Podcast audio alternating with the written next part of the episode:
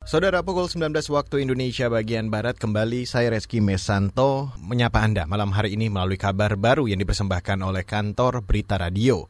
Pemerintah mencatat ada penambahan kasus baru positif COVID-19 sebanyak 1.679 pada hari ini. Sehingga kini total konfirmasi positif virus corona tercatat lebih dari 113 ribu kasus. Berdasarkan data, tiga provinsi dengan penambahan kasus baru COVID-19 terbanyak adalah Jawa Timur dengan 478 kasus baru, DKI Jakarta 472 kasus dan Sulawesi Selatan 97 kasus baru. Pemerintah juga mencatat ada penambahan 1.262 pasien COVID-19 yang sembuh. Dengan demikian, total sembuh lebih dari 70 ribu orang, sedangkan jumlah pasien meninggal bertambah 66 orang, total mencapai lebih dari 5 ribu orang.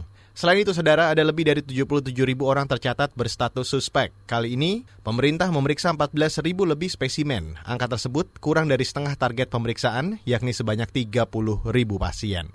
Beralih ke informasi selanjutnya, Istana Kepresidenan mewajibkan rapid test dan tes swab kepada siapa pun yang akan bertemu Presiden Joko Widodo di Istana Negara, Jakarta. Kepala Sekretariat Presiden Heru Budi Hartono mengatakan, langkah ini sebagai upaya memperketat protokol kesehatan terhadap pegawai, utamanya tamu tetap melakukan pengetatan protokol kesehatan. Walaupun yang lalu sampai hari ini kami sudah melakukan secara ketat protokol kesehatan. Tapi perlu kami sampaikan bahwa siapa pun yang ingin bertemu menghadap Bapak Presiden, kami akan lakukan swab.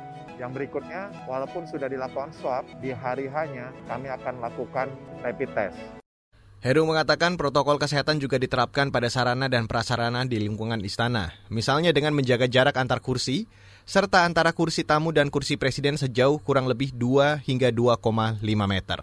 Selain itu, saudara, di meja oval tempat presiden biasa menerima tamu akan ditambahkan pembatas berupa kaca arlikik. Heru menambahkan ruangan-ruangan di lingkungan istana juga secara rutin dibuka jendelanya sehingga sirkulasi udara lancar dan tetap segar.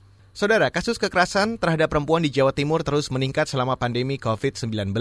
Berdasarkan data Legal Resources Center untuk Keadilan Gender dan Hak Asasi Manusia atau LRC KJHAM, sejak Maret hingga Juli 2020 tercatat 33 kasus laporan yang masuk. Kasus itu antara lain perbudakan seksual yakni 9 kasus itu memang paling banyak masih KDRT ya Mbak. Baik bulan Januari sampai Januari sampai Juli ya secara keseluruhan itu memang paling banyak KDRT apalagi di masa pandemi yang itu Maret sampai Juli itu KDRT ada 12 kasus kayak gitu. Untuk korbannya sih ada yang masih lajang ada yang memang itu ibu rumah tangga.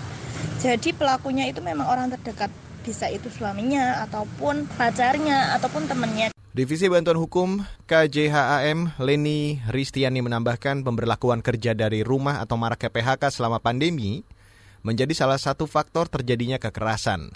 Menurutnya kasus kekerasan terhadap perempuan seperti fenomena gunung es yang hanya terlihat sedikit di permukaan, namun sebenarnya banyak kasus yang tidak terungkap atau dilaporkan.